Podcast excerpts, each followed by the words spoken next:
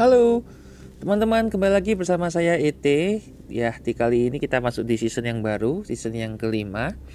Episode ke-45 Yang rilis 17 Juli jam setengah 7 malam. Nah di sini saya akan membahas tentang 7 tips untuk membentuk kebiasaan berkesinambungan Dan mengubah perilaku pekerja. Yang diambil dari ebook saya yang ke-8 yaitu Behavior and Habits in Working. Nah, karena kita masuk di episode yang baru dan season yang baru, kita ada review ya teman-teman ya. Jadi teman-teman kalau mau ada review mau bisa review di season yang lalu ya, bisa lihat ya sendiri. Oke, jadi kita langsung masuk aja ke poin utama di 7 tips untuk membentuk kebiasaan berkesinambungan dan mengubah perilaku pekerja episode ke-45 17 Juli jam 7 setengah 7 malam di podcast What's on My Mind by E.T. Mainkan. Halo teman-teman, kembali lagi bersama saya E.T. Ya, seperti biasa teman-teman bisa menyiapkan ballpoint, kertas, dan cemilan. Karena satu jam ke depan saya akan menemani Anda untuk membahas sesuatu hal yang baru ya. Topik yang uh, eh, request banyak orang, cuman saya agak males bawainnya. Bukan saya males ya, tapi emang karena lebih seneng ke bahas bisnis saya daripada untuk bahas profesional pekerja. Tidak apa-apa karena sudah banyak yang membahas tentang profesional pekerja, jadi saya malas bahas sesuatu yang sudah sering dibahas sama orang lain. Kebetulan saya aktif di LinkedIn ya di LinkedIn lebih banyak orang yang membahas tentang pekerja daripada tentang bisnis. Oke teman-teman uh, untuk di season kali ini kita akan bahas tentang podcast overview-nya ya.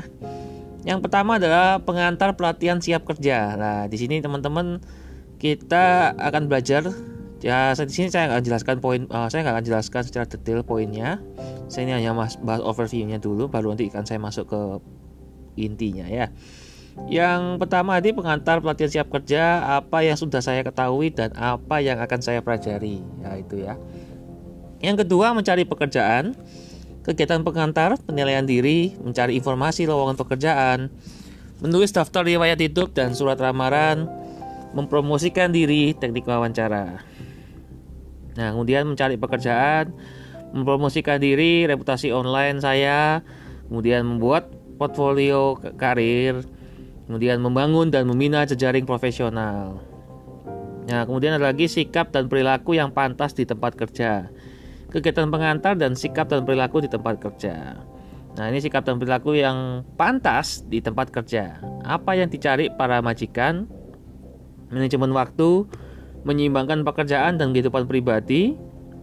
Pria dan wanita di tempat kerja, keputusan untuk berhenti dari pekerjaan Anda. Nah, teman-teman di sini juga ada ilustrasi menarik ya tentang uh, Q.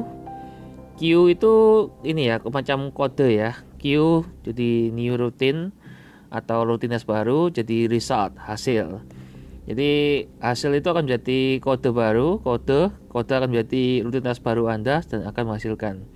Nah, pikiran alam bawah uh, pikiran alam sadar itu punya kebiasaan untuk merubah ya atau mengubah kebiasaan yang buruk menjadi kebiasaan yang baik. Di dengan cara uh, dimulai dari menyadari adanya tanda-tanda yang salah ya. Dan kemudian memperkenalkan kebijakan atau rutinitas baru dan kemudian dites. nah, sedangkan kalau alam bawah sadar itu lebih banyak belajar tentang uh, kecip, uh, habit habit itu perilaku yang baik ya. Nah, itu tadi yang kita pelajarin di podcast overview kali ini. Nah, untuk introduction atau uh, pembukaan, dan di sini teman-teman akan baca tentang personality attribute atau atribut dari uh, ini ya karakter ya. Kemudian skill uh, kemampuan untuk bisa berhubungan dengan orang lain, kemudian kemampuan untuk analisa dan kemampuan untuk kepemimpinan. Nah, uh, sumber informasi apa yang Anda manfaatkan untuk mencari pekerjaan, teman-teman? Ayo, monggo. Anda bisa tag dan mention saya yang akan saya sebutkan di akhir episode ya, medsos saya ya. Anda bisa jawab di situ. Jadi Anda bisa cepetin, Anda bisa lihat dari atau Anda sudah sering dengerin saya ya di podcast sebelumnya atau Anda sudah berkoneksi dengan saya di medsos saya sehingga Anda bisa jawab pertanyaan saya. Anda bisa jawab dengan cara ketik ya season 5 kemudian podcast episode ke terus menjawab pertanyaan yang mana. Contohnya kayak gitu ya. Jadi saya biar cepat juga untuk melihat konteksnya apa yang sedang saya bahas sehingga saya bisa bantu jawab ya Uh, kira-kira Anda sumber informasi apa yang Anda dapat untuk mencari pekerjaan ya? Kalau sekarang mungkin lebih mudah ya. Kalau dulu itu koran, teman-teman. jadi saya memang bukan tipe ke orang dulu ya, cuman saya kebetulan dulu itu masih anak kecil banget jadi nggak ngerti tapi saya banyak analisa, banyak observasi. analisa saya uh, banyak di Yellow Page ya. Dulu itu ada Yellow Page, ada untuk di koran, bagian lowongan pekerjaan. Nah, kalau sekarang mungkin banyak ya situs-situs lapangan pekerjaan dan situs-situs yang mengonekkan antara pekerja dan para uh, pemberi pekerjaan. Jadi banyak ya sekarang teman teman Anda bisa Google sendiri ya. Di sini saya nggak sebutin situsnya nanti teman-teman mungkin ada beberapa poin yang akan saya sebutkan ya. Kalau saya biasanya paling enak itu kita dapat referensi dari teman ya. Jadi teman butuh uh, pekerja terus kita bisa available, kita bisa bantu, ya kita bantu itu lebih cepat daripada melewati fase-fase yang cukup melelahkan ya fase dalam pencarian, fase dalam uh, interview, fase persiapan dan lain-lain. Nah kemudian langkah-langkah apa yang anda gunakan untuk mencari pekerjaan? Nah, anda, anda bisa ngelis ya di sini uh, ini sebagai perkenalan saya uh, kebetulan untuk ngomong ngomong pekerjaan ini kan ini ya uh, banyak ya orang yang sudah banyak ngomongin jadi saya nggak terlalu detail dan teknis ya.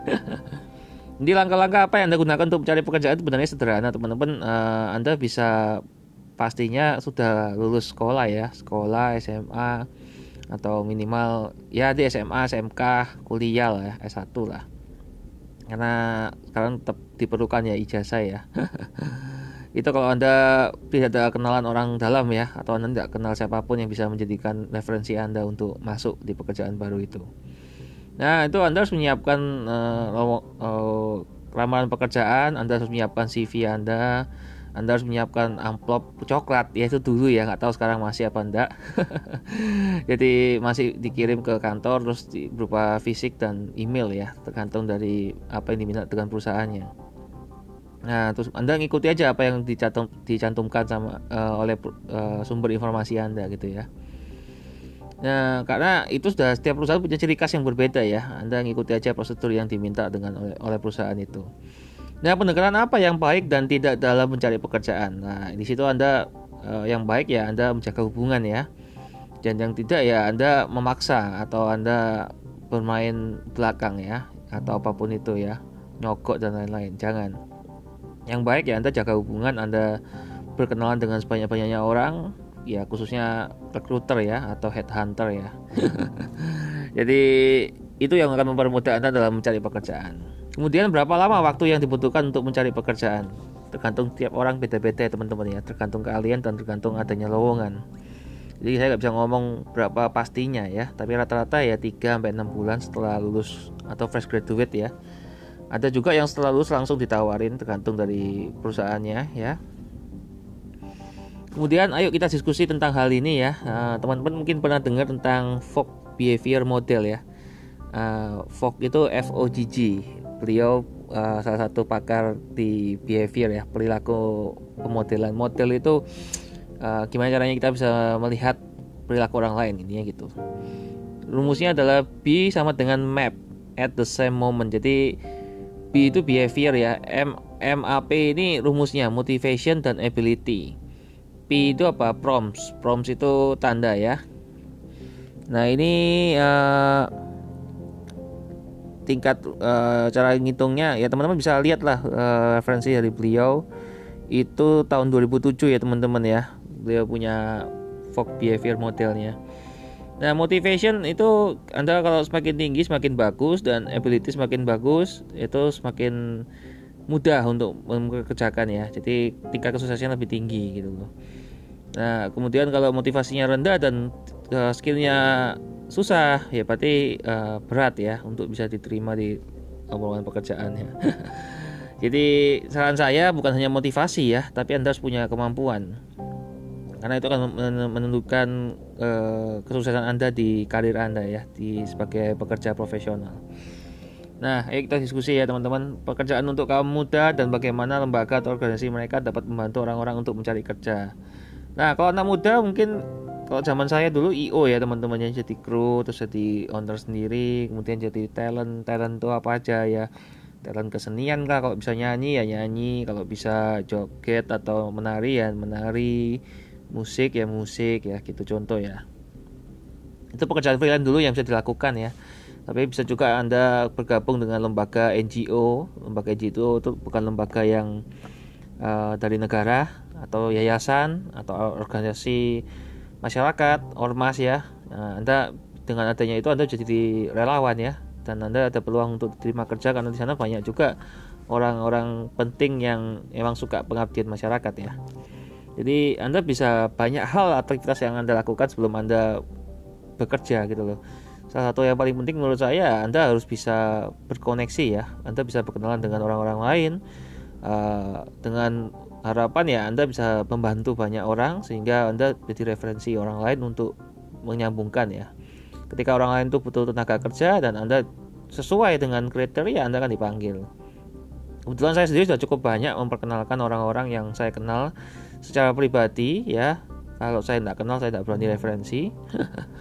Jadi saya referensikan ke beberapa perusahaan yang kebetulan butuh dan pas sesuai dengan karakternya. Dan dalam hal ini saya tidak dipungut biaya apa pun ya teman-teman ya. Saya karena saya hanya membantu dan sifatnya saya suka rela ya. Kalau mau dikasih ya silakan. Ya ucapan terima kasih juga sudah cukup bagi saya.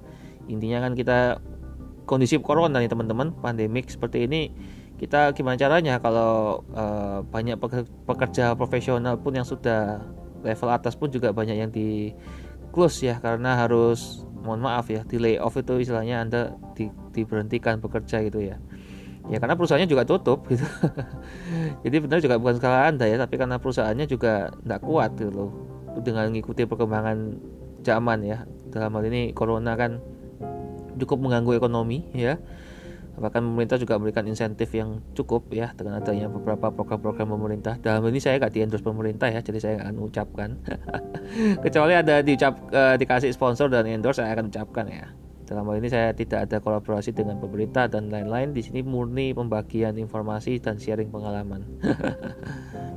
Nah kemudian apa yang mereka cari ketika memperkerjakan orang? Nah Anda bisa tahu jenis keterampilan yang Anda punya Kemudian sikap apa dan perilaku ya mereka pasti mencari orang yang attitude-nya bagus ya atau sikapnya dulu. Karena kalau skill itu bisa dilatih ya. Keterampilan bisa dilatih tapi kalau attitude-nya itu nggak bisa dilatih itu susah. Itu karakternya orang gitu. Dan untuk menciptakan perilaku itu kalau mereka tidak mau diatur ya susah. Nah pastikan anda kalau sebagai seorang awam ya awal itu berarti anda harus bisa punya banyak skill ya. Kalau pertama itu generalis jadi anda jadi sebanyak-banyaknya skill yang bisa Anda tawarkan di nilai tambah Anda di suatu perusahaan ya. Logikanya adalah seperti ini. Eh, kira-kira jika ada dua orang, yang pertama dia bisa menulis dan yang kedua dia bisa desain. Yang pertama ini hanya bisa menulis, yang kedua bisa desain dan menulis. Nah, kira-kira Anda kalau sebagai orang yang butuh pekerjaan ya, dalam hal ini uh, butuh pekerja, Anda kira-kira mau hire yang mana dengan hal dengan bayaran yang sama ya. Misalkan satu dan dua ini sama atau uh, ada selisih sedikit lah intinya. Uh, karena kan yang dua ini kan paket lengkap. Rata-rata orang kan milih yang kedua ya. Jadi bisa desain dan bisa menulis. Menulis ini menulis iklan dan bikin gambar itu sebagai desain ya itu contoh ya teman-teman ya. Jadi itu untuk awalan. Tapi kalau untuk anda nanti jadi spesialis ya anda akan lebih mahal lagi bayarannya. Karena uh, itu keterampilan yang hanya dimiliki oleh sedikit banyak orang ya jadi Anda bisa memilih untuk jadi salah satu pakar di bidang tertentu gitu ya. Misalkan di bidang keuangan, misalkan di bidang seni ya, misalkan di bidang manajemen, di bidang kepemimpinan, di bidang penulisan dan lain-lain ya. Kalau saya sebutin terlalu banyak nanti. Karena nanti kalau saya ada industri yang nggak saya sebutin nanti industrinya cemburu ya kan bingung saya juga ya. Nah teman-teman uh, untuk sikap ya pastikan anda jujur ya berintegritas dan punya karakter. Jadi bukan asal bapak senang ya. Anda harus bisa membuktikan bahwa anda layak diterima di pekerjaan itu dan anda bisa menghasilkan untuk perusahaan itu ya produktif bukan cuma layak dan keterima tapi tidak bisa produktif ya. Karena ada perusahaan, perusahaan mana yang mau memperkerjakan orang yang tidak bisa bekerja kan? Ya kecuali sudah hopeless ya sudah habis stoknya Nah, dan kemudian perilaku ya perilaku ini di tempat-tempat kerja di tempat yang lama bagaimana terus di tempat yang sekarang bagaimana dan perilakunya sendiri ketika sedang bekerja seperti apa itu harus di teman-teman harus belajar ya caranya jadi pekerja yang profesional. Nah, yang kemudian yang ketiga adalah pentingnya bekerja sebagai relawan ya, bekerja magang dan pengabdian masyarakat. Bisa di NGO, bisa di LSM, bisa di yayasan. Anda mau di politik juga boleh, mau di laboratorium, entah di kampus atau di mana, silakan ya. Intinya relawan itu bukan berarti tidak digaji atau tidak dibayar ya. Mungkin memang di bawah rata-rata standar lah. Tapi tetap ada pembayar, uh, ada ini ya, ada bayaran yang setimpal lah sesuai dengan pekerjaan Anda. Jadi uh, misalkan Anda seorang freelance fotografer gitu ya, sebelum Anda dapatkan pekerjaan-pekerjaan besar ya Anda harus banyak portofolio ya. Klien-klien mana aja yang Anda bantu untuk bantu untuk foto ya, contohnya itu. Nah, ini beberapa sumber untuk tempat Anda bisa mencari pekerjaan. Nah, kalau zaman dulu itu kan uh, hanya di koran ya bahkan di koran aja untuk mencari pekerjaan paruh waktu susah ya karena hubungan pekerjaan data freelance uh, soalnya data uh, full time nah sekarang kan banyak ya ada situs untuk freelance ada situs untuk full time dan lain-lain nah jejaring ya. Yang pertama itu jejaring kabar dari mulut ke mulut. Anda bisa cari informasi dari dari saudara dari keluarga dari teman dari pacar dari temannya apa teman dan lain-lain ya. Jadi itu lebih akurat lebih valid. Karena mereka kenal Anda, Anda kenal mereka dan saling mengerti gitu ya. Anda juga bisa tunjukkan kapasitas Anda. Dan Anda bisa dapat rekomendasi intinya itu ya. Ya yang kedua itu menelepon langsung pemberi kerja. Itu kan ada nomor telepon yang bisa dihubungi ya. Cuman saran saya jangan langsung menelepon ya. Anda mungkin bisa chat dulu ya karena mungkin mereka lagi sibuk ya. Kan pekerjaannya mereka bukan hanya ngurusi Anda.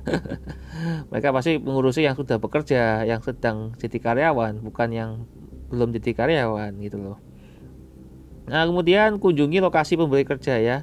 E, karena ini masa-masa corona, jadi mungkin untuk kunjungi ini agak berat ya, karena banyak juga lokasi pekerjaan yang ditutup dan work from home ya. Jadi itu tadi. Nah, kalau dulu ini saya sih tulisnya waktu belum ada corona ya. Cuman harapan saya nanti walaupun nanti new normal juga Anda ikuti aja lah protokol yang ada dan sebelum anda mengunjungi anda sudah memberikan uh, pemberitahuan sebelumnya gitu ya ya tidak apa-apa kan tidak ada yang salah dengan anda berkunjung gitu loh. Anda kan bisa tahu tuh uh, anda bisa lihat sendiri itu lokasinya seperti apa akses jalannya bagaimana terus lingkungannya seperti apa apa ada warungnya ada kantinnya atau seperti apa ya. Ini observasi dulu analisa dulu sebelum anda memutuskan untuk merawar di sana contohnya. Anda juga bisa tanya-tanya dengan orang-orang pekerja di daerah sana. Pasti kan ada ya kayak jam istirahat atau jam pulang kerja Anda kan bisa ketemu orang-orang yang sudah bekerja di sana. Anda bisa berkenalan, Anda bisa ngobrol sehingga mungkin bisa tanya juga apakah ada lowongan kan gitu loh. Di sini teman-teman uh, kebetulan kan saya sering ya ngajari tentang kreatif dan inovatif ya. Jadi bahkan untuk cari pekerjaan pun saya juga menggunakan cara yang unik ya bagi orang-orang yang mungkin tidak pernah melakukan ini gitu loh. Karena pada saat saya kan seorang pebisnis ya teman-teman ya, jadi kan selalu punya cara unik yang berbeda dari yang lain. Jadi ketika untuk membawa topik tentang profesional saya juga bisa memberikan cara-cara yang unik gitu tadi ya. Bisa juga dari supirnya supirnya dari bosnya gitu ya anda kenalan ya kan. Mohon maaf ini ya ngomong rahasia jadi saya bongkar ya nggak apa-apa. Ini cara cara-cara yang akan diajarin di tempat lain ya karena saya rahasiakan juga saya jarang berbagi untuk informasi ini. Anda mau praktekkan silakan. Anda tidak berpraktekkan juga tidak apa-apa. Itu urusan Anda bukan urusan saya ya.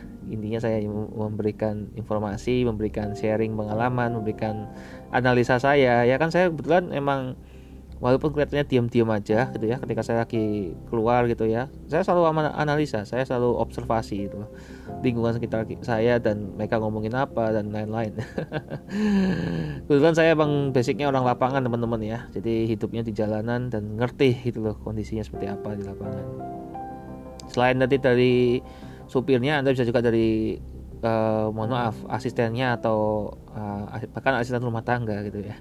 Kalau anda tahu rumahnya dari bosnya gitu ya. Bukan berarti anda harus ngikutin sampai ikut ke rumahnya ya tidak lah gunakan cara yang etis lah jangan stalking dan anda ngikutin dari belakang mobilnya motornya gitu ya jangan. Nah kemudian lembaga swadaya masyarakat ya teman-teman. Kan ada Kemenaker ya Kementerian Tenaga Kerja gitu ya. Di situ juga banyak kok lowongan-lowongan bahkan pelatihan-pelatihan yang memberikan pelatihan keilmuan ya. Bukan hanya ke, mohon maaf bukan bukan hanya keilmuan ya tapi juga keterampilan gitu loh.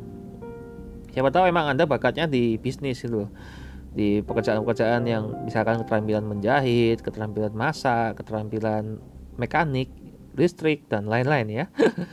Saya tidak bisa sebutin semua teman-teman karena mohon maaf saya tidak bisa mengetahui semua industri yang ada. Kebetulan saya hanya bisa jelaskan di industri saya kan saya sudah pernah bilang. Industri saya di bisnis jaringan di properti dan di asuransi kemudian di bisnis konvensional saat ini di bidang keuangan. Jadi di luar itu saya belum bisa dan eh, mohon maaf ya keterbatasan saya ya kemudian surat kabar harian masih ada kok teman-teman yang uh, para pencari pekerja uh, yang mencari pekerja ya. Jadi itu mereka mengiklan di surat harian itu. Ya memang mungkin sekarang ketika uh, zaman sudah semakin maju ya. Jadi koran koran fisik sudah jarang dibaca sudah masuk ke artikel-artikel sekarang. Tapi tidak akan pernah hilang lah istilahnya ya iklan tentang cari pe, pekerja itu pasti ada karena dibutuhkan terus tiap tiap tahunnya tiap bulannya tiap ada tergantung turnovernya ya dari suatu industri itu ya. Karena kan saya tidak bisa pastikan tiap bulan atau tiap hari atau tiap jam bahkan ya nggak tahu saya.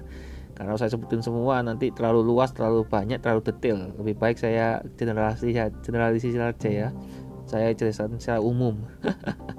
Kemudian dinas tenaga kerja teman-teman. Tadi lembaga swadaya masyarakat itu LSM ya. Jadi LSM yang ini dinas tenaga kerja resmi pemerintah LSM itu juga banyak kok yang bikin pelatihan-pelatihan gratisan juga kok. Ya mereka intinya dari dari mereka ya untuk mereka komunitas-komunitas itu teman-teman. Kemudian menghadiri bursa tenaga kerja ini banyak di kampus-kampus ya. Uh, kemudian ada juga open house ada juga walk in di perusahaan yang anda akan ramar misalkan tergantung dari situasi ya. Apakah mereka menyediakan uh, ini layanan itu ya. Kemudian anda bisa browsing browsing di internet ya sekarang zaman canggih teman-teman. Enak dibandingkan zaman dulu. Zaman dulu informasi susah sekali. Apalagi gak ada internet. Dulu itu benar-benar handphone lewat telepon dan lewat chat. Chatnya SMS teman-teman. Saja setiap kali SMS berbayar tuh. Oke okay, itu ya teman-teman. Bisa googling. Googling itu jadi salah satu kata kerja ya. Kalau dulu kan Google itu kan produk internet ya. Jadinya sekarang kata kerja jadinya Kemudian juga bisa di media sosial ya, bisa di Facebook, bisa di LinkedIn, bisa di IG. Ada IG yang khusus untuk itu, ada LinkedIn khusus untuk itu, ada Facebook khusus untuk itu ya. Ada grup-grupnya, ada page-nya, ada uh, apa lagi? Story ya, ada feed-nya, ada profilnya. Nah teman-teman uh, ini format untuk biografi ya. Biografi itu penting ya. Anda harus bisa mengelis apa aja yang siapa sih anda gitu loh? Anda bisa eh, data-data yang kira-kira dibutuhkan oleh perusahaan ya. Detail orang yang mampu dihubungi ya. Anda harus uh, kasih keterangan bahwa anda ini bisa dihubungi. Jangan sampai anda ngasih keterangan tapi anda nggak bisa dihubungi.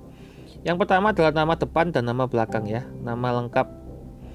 Sesuai KTP teman-teman. Jadi jangan nama nama keren atau nama beken ya. Nama panggung apalagi.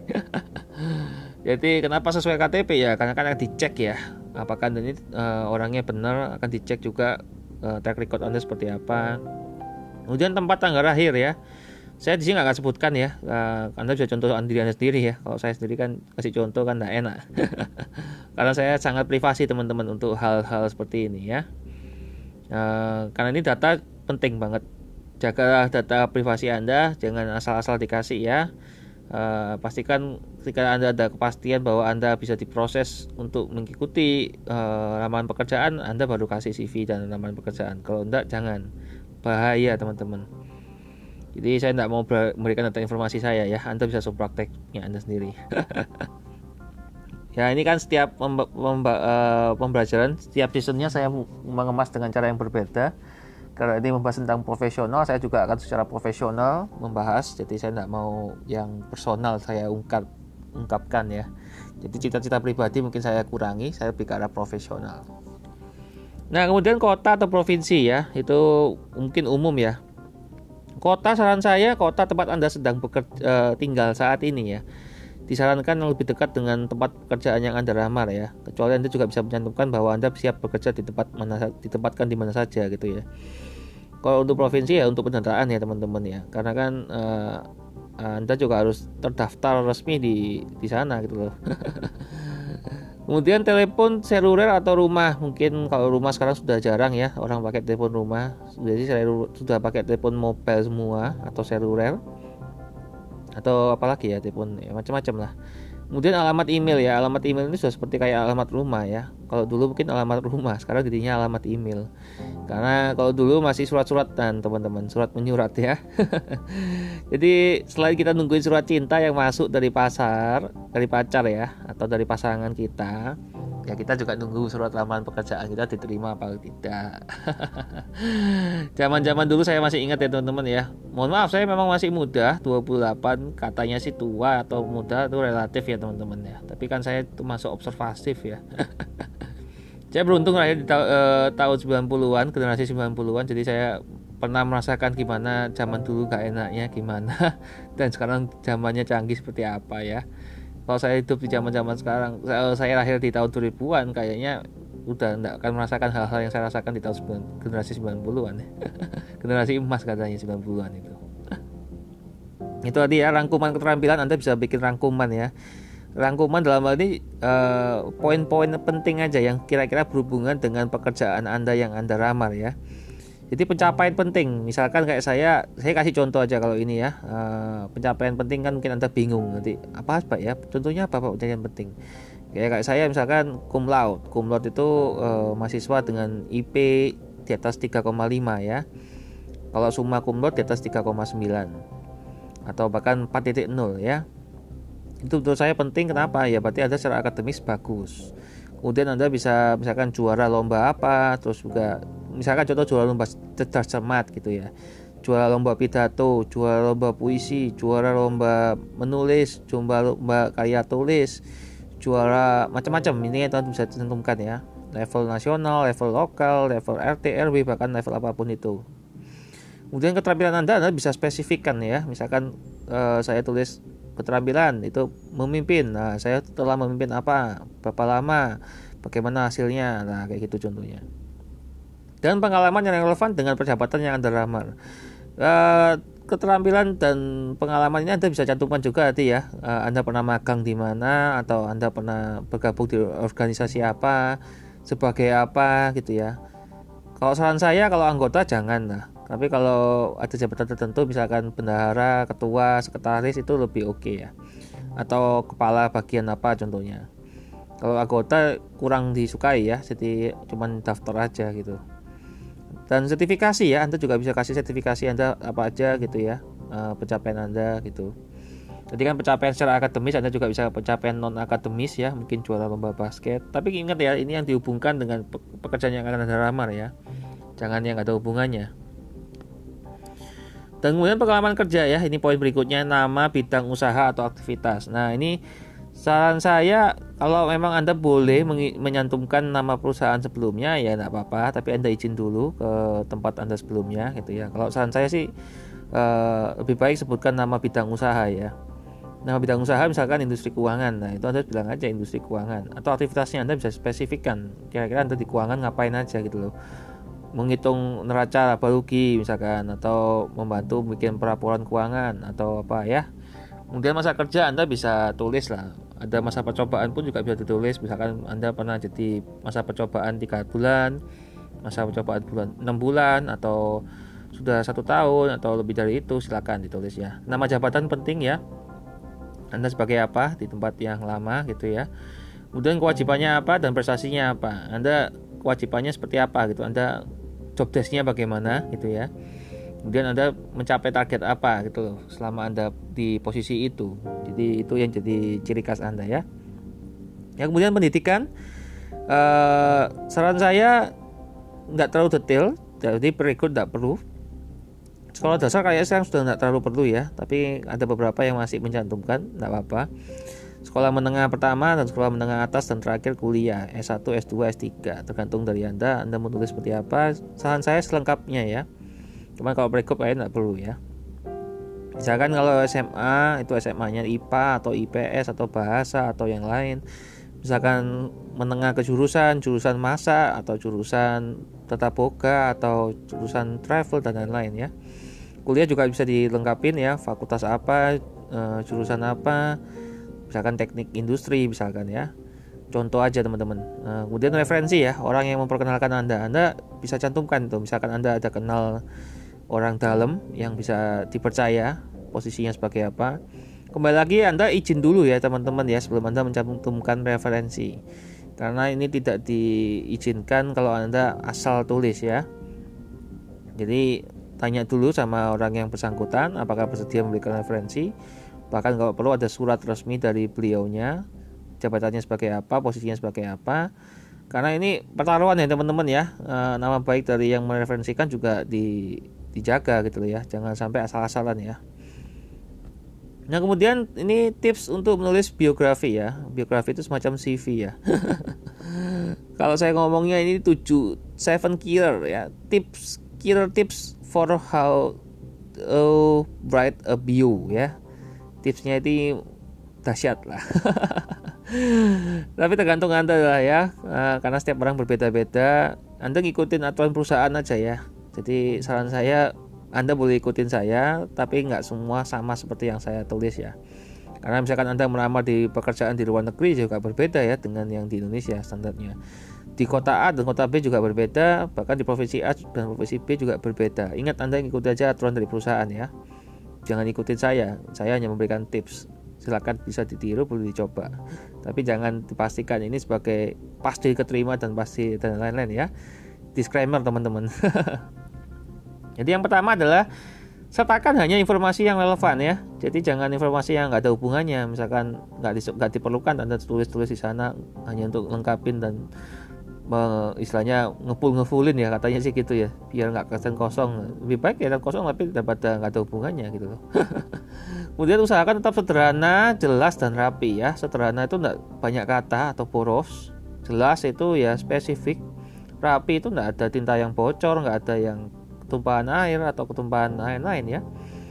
Kemudian batasi antara satu sampai dua halaman ya. Jangan banyak-banyak ini bukan makalah skripsi. Kalau skripsi semakin banyak, semakin bagus, semakin baik ya. Tergantung isinya juga sih. Jadi saran saya batasi antara 1 sampai 2 halaman ya. 1 2 halaman itu uh, standarnya ngikuti standar perusahaan ya. Ini cuma saran saya aja. Kemudian perhatikanlah akurasinya ya, ejaan dan diksi. Nah, ini jangan sampai ada typo ya.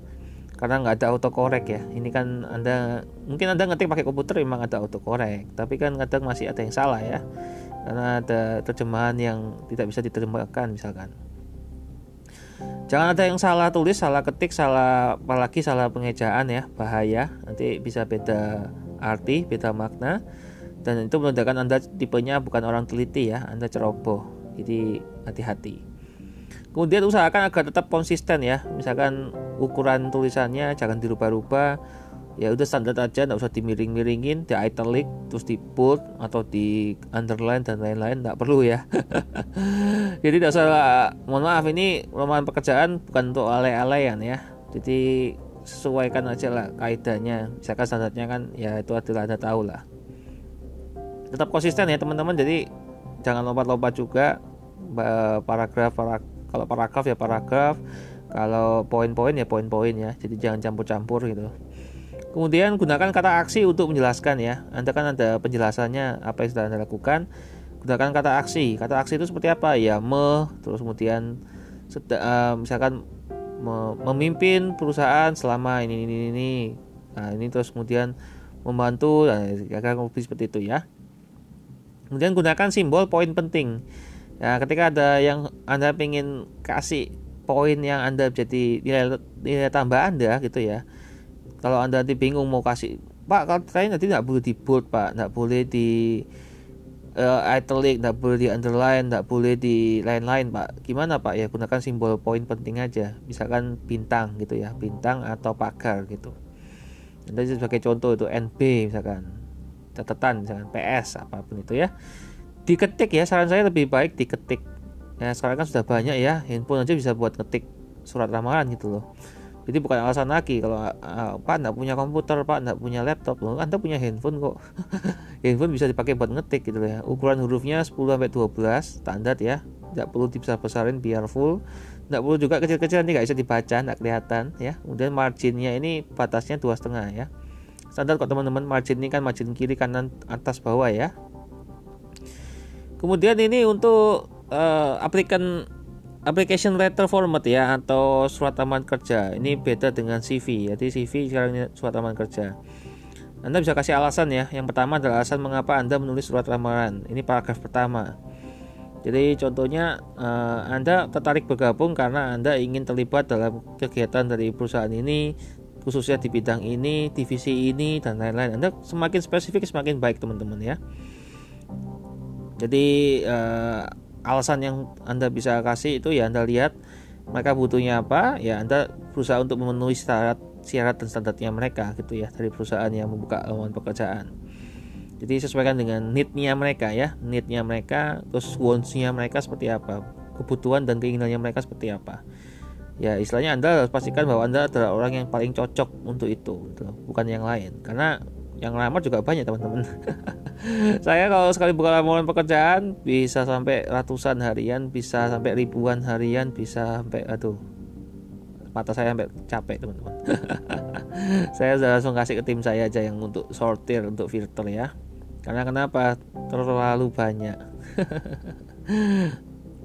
nah, akhirnya saya lebih, lebih senang kalau ngomongin peluang bisnis ya kalau jadi partner bisnis saya langsung oke okay, saya ayo kita aturan waktu untuk ketemuan dan kita eksekusi saya gitu. Tapi kalau ngomongin pekerjaan aduh next aja yang lain aja lah yang ada uh, tim saya atau partner lain. Karena mohon maaf teman-teman saya waktu terbatas ya. Jadi bukan saya sombong bukan pamer atau apa tapi ya itu hati karena saya sangat menghargai waktu. Kebanyakan mohon maaf ya eh, kebanyakan aja ya. Bukan maksudnya untuk generasi juga sih bukan maksud generalisir ya tapi rata-rata emang uh, tadi saya depan saya curhat gitu ya. Ada beberapa yang masuk surat lamarannya tapi yang tentang interview sedikit. Nah kayak gitu kan. Udah dipanggil tapi nggak datang. Nah makanya saya malas ngurusi orang-orang yang ribet-ribet ya. Ah ngurusi bisnis saja lebih anik lebih asik. Nah, alasan mengapa Anda menulis surat lamaran ya tadi itu ya sudah saya tulis uh, Anda bisa tulis lengkap-lengkapnya sedetil-detilnya saran saya sesuaikan dengan needs dan wants dari perusahaan Anda yang Anda lamar ya. Yang kedua, apakah yang apa yang mampu Anda tawarkan ya paragraf paragraf yang tengah ini ya. Uh, misalkan Anda mereka punya permasalahan apa? Anda harus tahu dulu, Anda harus riset terhadap perusahaan itu mereka permasalahannya apa. Itu kan mereka butuh uh, pekerja di bidang itu ya karena mereka butuh masalah ada permasalahan di situ misalkan. Bukan masalah dalam hal ini masalah yang negatif ya tapi masalah positif ya karena ada peluang di situ anda bisa masuk di sana. Nah tawarkan sesuatu yang bisa menyelesaikan permasalahan mereka ya. Jadi misalkan mereka butuh copywriting ya anda punya skill copywriting ya anda bisa kasih contoh beberapa copywriting anda gitu ya. Uh, hasilnya seperti apa.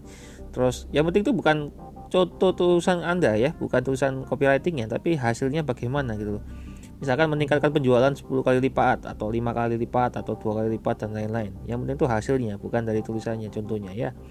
Yang ketiga bagaimana anda akan menindaklanjuti lowongan pekerjaan ya? Ini paragraf penutup ya.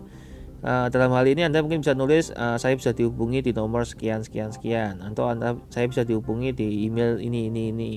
Ini profil LinkedIn saya contohnya. Itu kan LinkedIn memang salah satu platform yang bagus untuk profesional pekerja ya Anda bisa tulis di situ Anda bisa cantumkan juga link untuk LinkedIn Anda.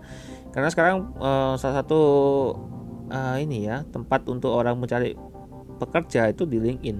Mereka searchingnya di sana. Karena di situ orang-orang sudah postingannya pasti sudah teratur nggak posting aneh-aneh. Postingnya pasti yang profesional nggak posting pribadi dan lain-lain.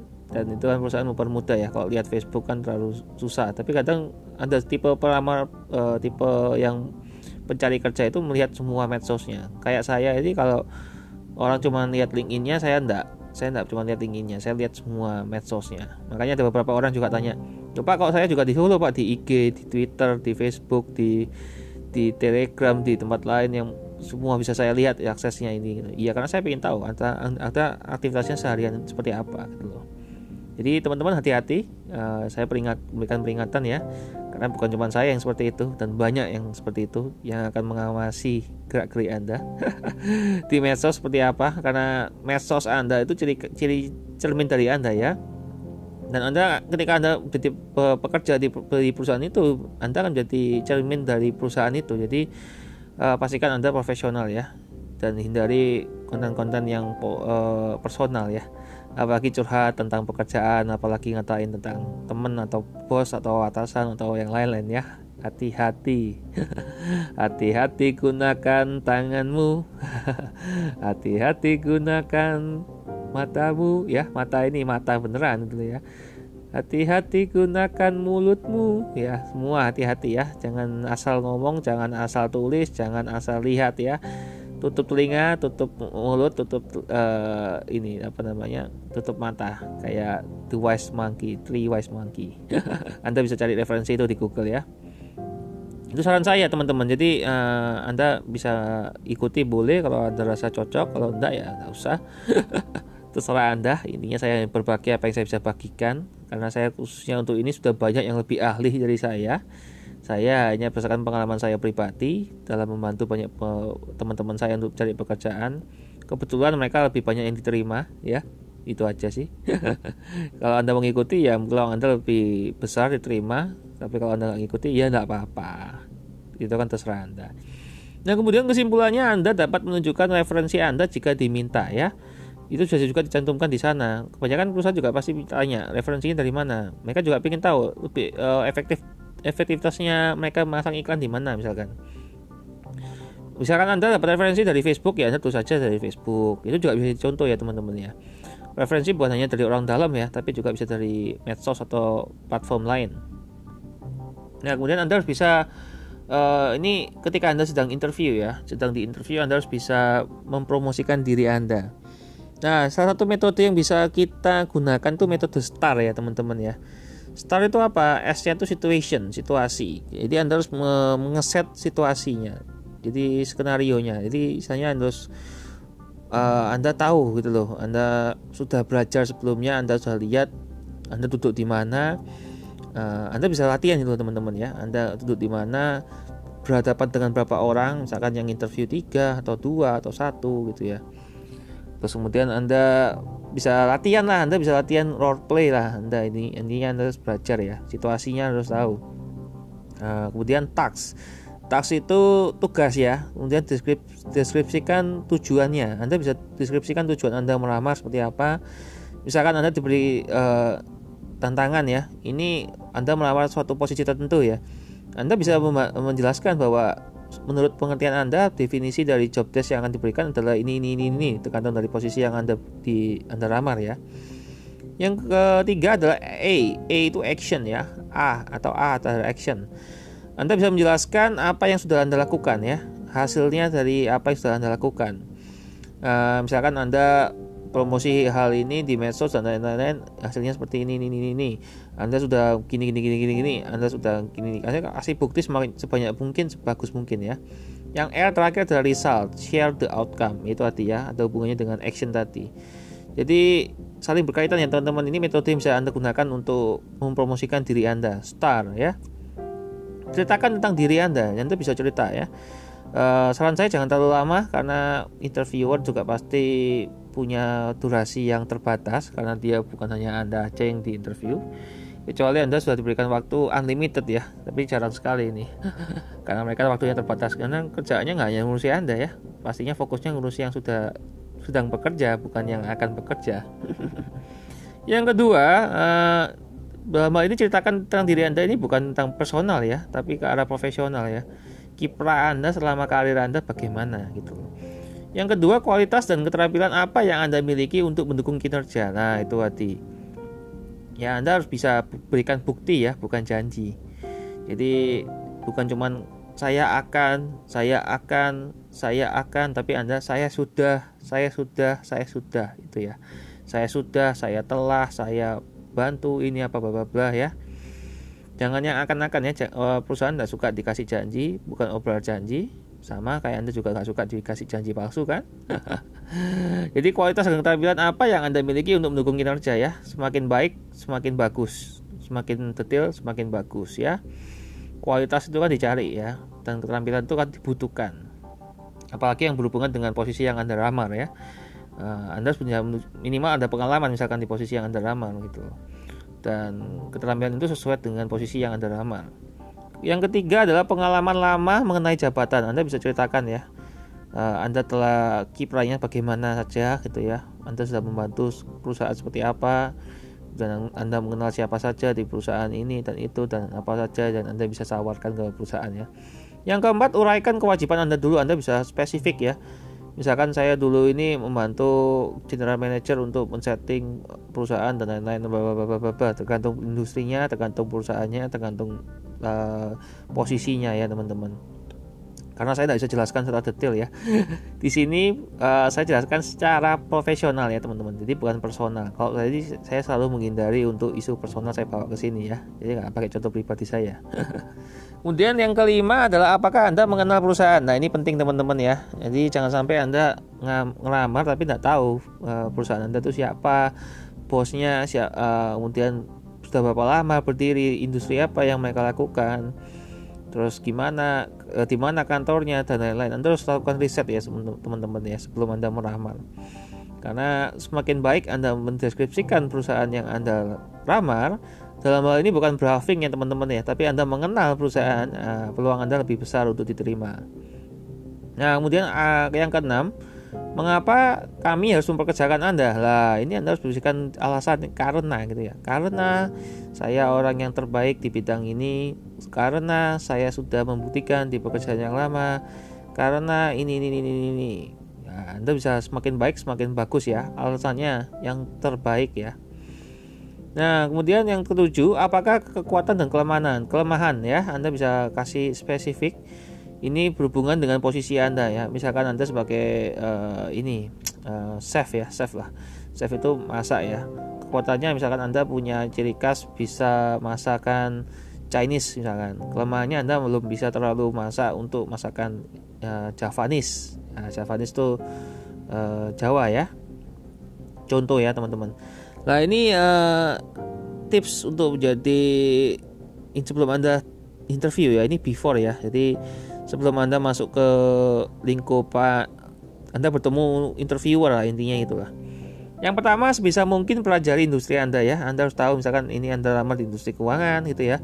Anda harus tahu beberapa istilah tentang keuangan. Anda harus tahu eh, kira-kira siapa aja yang akan anda temui klien Anda bagaimana, terus bos Anda, atasan Anda seperti apa, itu ininya seperti itu ya. Pikirkan bagaimana bisa implementasi ya, uh, fokusnya ke sana, implementasi ilmu keilmuan Anda, implementasi skill Anda, implementasi gimana Anda bisa langsung settle ya. Jadi Anda bisa langsung produksi lah istilahnya. Anda bisa langsung praktek skill dan kemampuan Anda di perusahaan yang baru ya.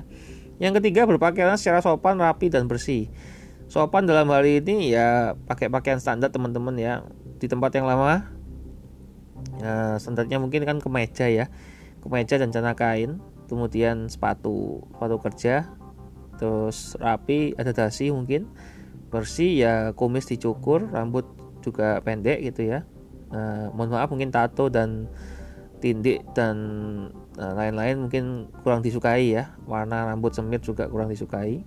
Contoh ya. Mohon maaf ini ini contoh aja teman-teman. Tapi itu juga anda bisa jadi bahan pertimbangan ya uh, kemudian yang keempat usahakanlah tepat waktu hadir sesi ya sesi interview khususnya. Uh, karena ini kan kita bahas tentang interview ya jadi anda saran saya misalkan anda dapat nomor latihan sekian ya anda tetap berangkat satu jam sebelumnya ya sudah sampai ya. Misalkan jam anda interview itu jam 2 siang gitu ya anda jam satu minimal sudah sampai di sana. Jadi tinggal biar anda juga nggak terburu-buru di jalan jadi anda nggak tergesa-gesa dan anda bisa bisa bernafas masih bisa santai masih bisa makan siang di sana juga ya contohnya. Nah, tepat waktu ya teman-teman ya. Uh, saran saya jangan sampai membuat interviewer anda menunggu. Karena misalkan harus menunggu 5 menit berarti anda kehilangan waktu 5 menit itu untuk menjelaskan tentang anda ya. Karena mungkin sudah dibatasi mungkin satu orangnya 25 menit misalkan. Berarti hanya nanti di waktu diberikan waktu hanya 20 menit. Nggak ada waktu lebih lagi karena anda sudah terlambat 5 menit contoh yang kelima tulislah beberapa pertanyaan ya. Anda tidak tidak ada yang salah dengan anda memberikan pertanyaan ya. Jadi ketika anda sudah diberikan pertanyaan dan saatnya anda memberikan pertanyaan yang balik ya. Di sini pertanyaan yang sesuai kan dengan industri anda ya. Ke pertanyaan ini bisa berhubungan dengan pertanyaan uh, mohon maaf misalkan gaji atau mungkin juga uh, job desk yang lebih jelas seperti apa job description ya teman-teman kemudian bisa tentang uh, environmentnya fasilitas perusahaan fasilitas apa yang diberikan perusahaan terhadap anda contohnya seperti itu ya. Itu kembali lagi pertanyaan yang tidak ada diinformasikan sebelumnya ya. Kalau sudah ada tulisannya anda mungkin bisa mengkonfirmasi apa-apa. Uh, misalkan apakah benar pak nanti akan diberikan supir untuk membantu uh, keliling keliling keliling untuk kolek data dan lain-lain kebetulan karena anda tidak bisa nyetir mobil atau nggak bisa nyetir motor atau lain-lain contohnya ya.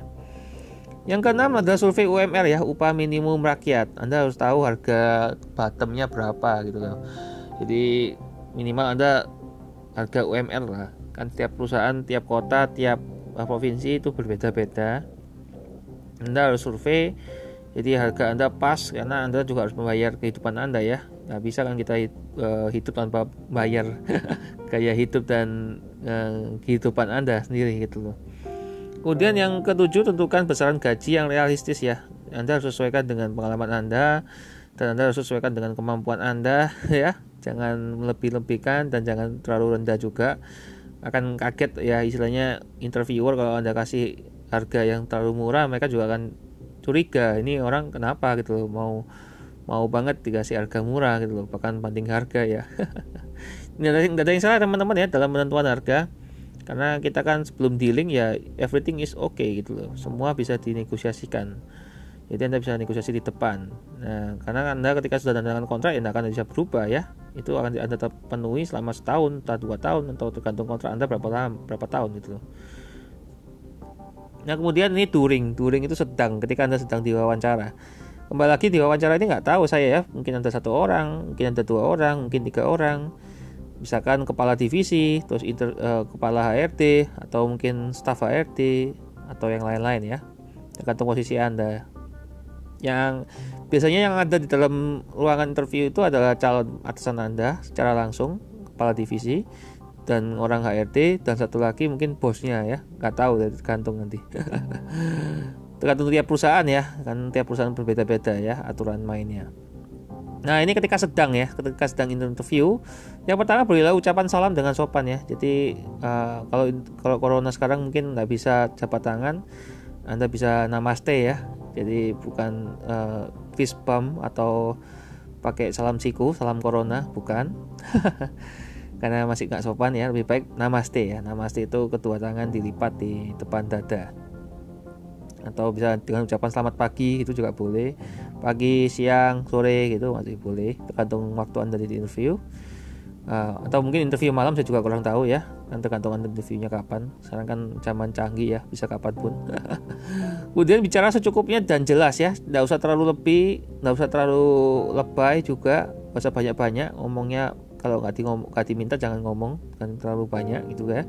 Dan jelas artikulasinya. Jadi nggak terlalu cepat nggak terlalu lambat temponya juga ada intonasinya jelas artikulasi jelas terus tatapan mata juga jelas ya yang ketiga berpikir sebelum berbicara ya jangan bicara ngasal atau mohon maaf ngata ngatain mantan bos atau ngatain ngatain orang lain atau perusahaan yang lain atau lain-lain Intinya Anda berpikir ya sebelum Anda mengucapkan sesuatu. Yang keempat, hargai pendapat semua orang ya. Ketika ada yang berbicara, Anda diam. Anda bisa memberikan respon-respon misalkan anggukkan bila Anda setuju, gelengan jika Anda tidak setuju dan lain-lain. Intinya Anda hargai ya. Jika Anda belum diterima, ya Anda harus terima juga ya. Jangan jangan marah-marah atau malah emosi atau gimana ya. hargai pendapat semua orang. Yang kelima, jadilah pendengar yang baik ya. Anda pastikan Anda benar-benar mendengarkan ketika ada orang yang sedang berbicara. Jangan dipotong ya. Jangan diselah, jangan di apa pun itulah. Jangan melakukan kegiatan yang uh, tidak dibutuhkan ya, misalkan main handphone. yang keenam, tenanglah, tetaplah tenang dan bersikaplah jujur ya. Teman-teman tetap tatap mata mereka, jangan jangan takut ya. Dan jujur, katakan apa adanya ketika diminta ya jadi uh, santai aja, nggak usah terlalu tegang. Yang ketujuh, tunjukkan rasa percaya diri Anda. Ya, Anda bisa lihat tetap mereka balik gitu ya. Uh, anda bisa fokus ya. Kemudian terakhir jabat tangan ya. Itu kalau masa corona, masa corona kayaknya nggak boleh ya. Namaste lagi. Aduh, nggak nyaman ya kalau kita nggak bisa jabat tangan. Oke, Ya, ini merupakan poin terakhir di episode ini ya karena kita sudah masuk di menit 54 ya karena kalau saya bahas ke poin berikutnya bakalan panjang ini. Oke, ini uh, setelah Anda di interview ya. Ini poin setelah Anda di interview, Anda bisa kirimkan surat ucapan terima kasih melalui telepon atau email ya. Di telepon ini Anda bisa chat ya. Mungkin Anda nggak bisa nggak bisa telepon karena nggak sembarang orang suka di telepon. Saya juga nggak terlalu suka di telepon. Kenapa Anda harus ucapkan terima kasih ya minimal biar orang itu tahu bahwa Anda itu walaupun belum tentu pasti diterima, Anda sudah punya itiat yang baik ya. Anda sudah punya uh, sifat yang sikap yang baik ya. Jadi uh, Anda lapang hati, Anda besar dada, uh, Anda lapang dada, Anda besar hati ya. Nah kemudian tidak lanjuti dengan menelpon satu minggu setelah wawancara ya kembali lagi mungkin nggak bisa lewat telepon bisa lewat chat ya anda bisa tanya uh, statusnya Anda seperti apa, apakah sedang dipertimbangkan, apakah sedang sudah langsung ditolak ada keputusannya atau malah uh, direferensikan ke perusahaan yang lain ya. Mungkin ada juga yang saling berkaitan ya. Mungkin itu satu grup, satu induk, uh, satu induk gitu ya. Jadi bisa ditaruh di divisi yang lain untuk di perusahaan yang lain. Teman-teman, uh, kita di episode ke-46 ya. Ya eh sorry, bener ya Ya, 46 di episode berikutnya, episode 46 kita akan masuk di bagian yang kedua. Ini saya tulis. Uh, Oke. Okay. Itu kita akan bahas tentang bagaimana caranya kita me, me itu apa ya? Mem, me, ini. Oh, melestarikan atau apa ini ya? Menjaga, kita menjaga reputasi online kita ya. Online tuh sekarang penting teman-teman. Kebanyakan orang uh, meremehkan online padahal sekarang para HRD atau para bos-bos ini ngamatin pergerakan Anda ya di medsos itu seperti apa. hati-hati ya. Anda apa pun yang Anda ucapkan hati-hati, apa pun yang Anda tulis hati-hati ya.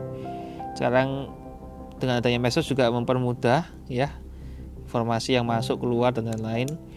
Saran saya hindari isu-isu sara ya. Jadi ini kita belum bahas untuk bahas pembahasan besok ini saya cuma kasih tips saja untuk sebagai penutup ya.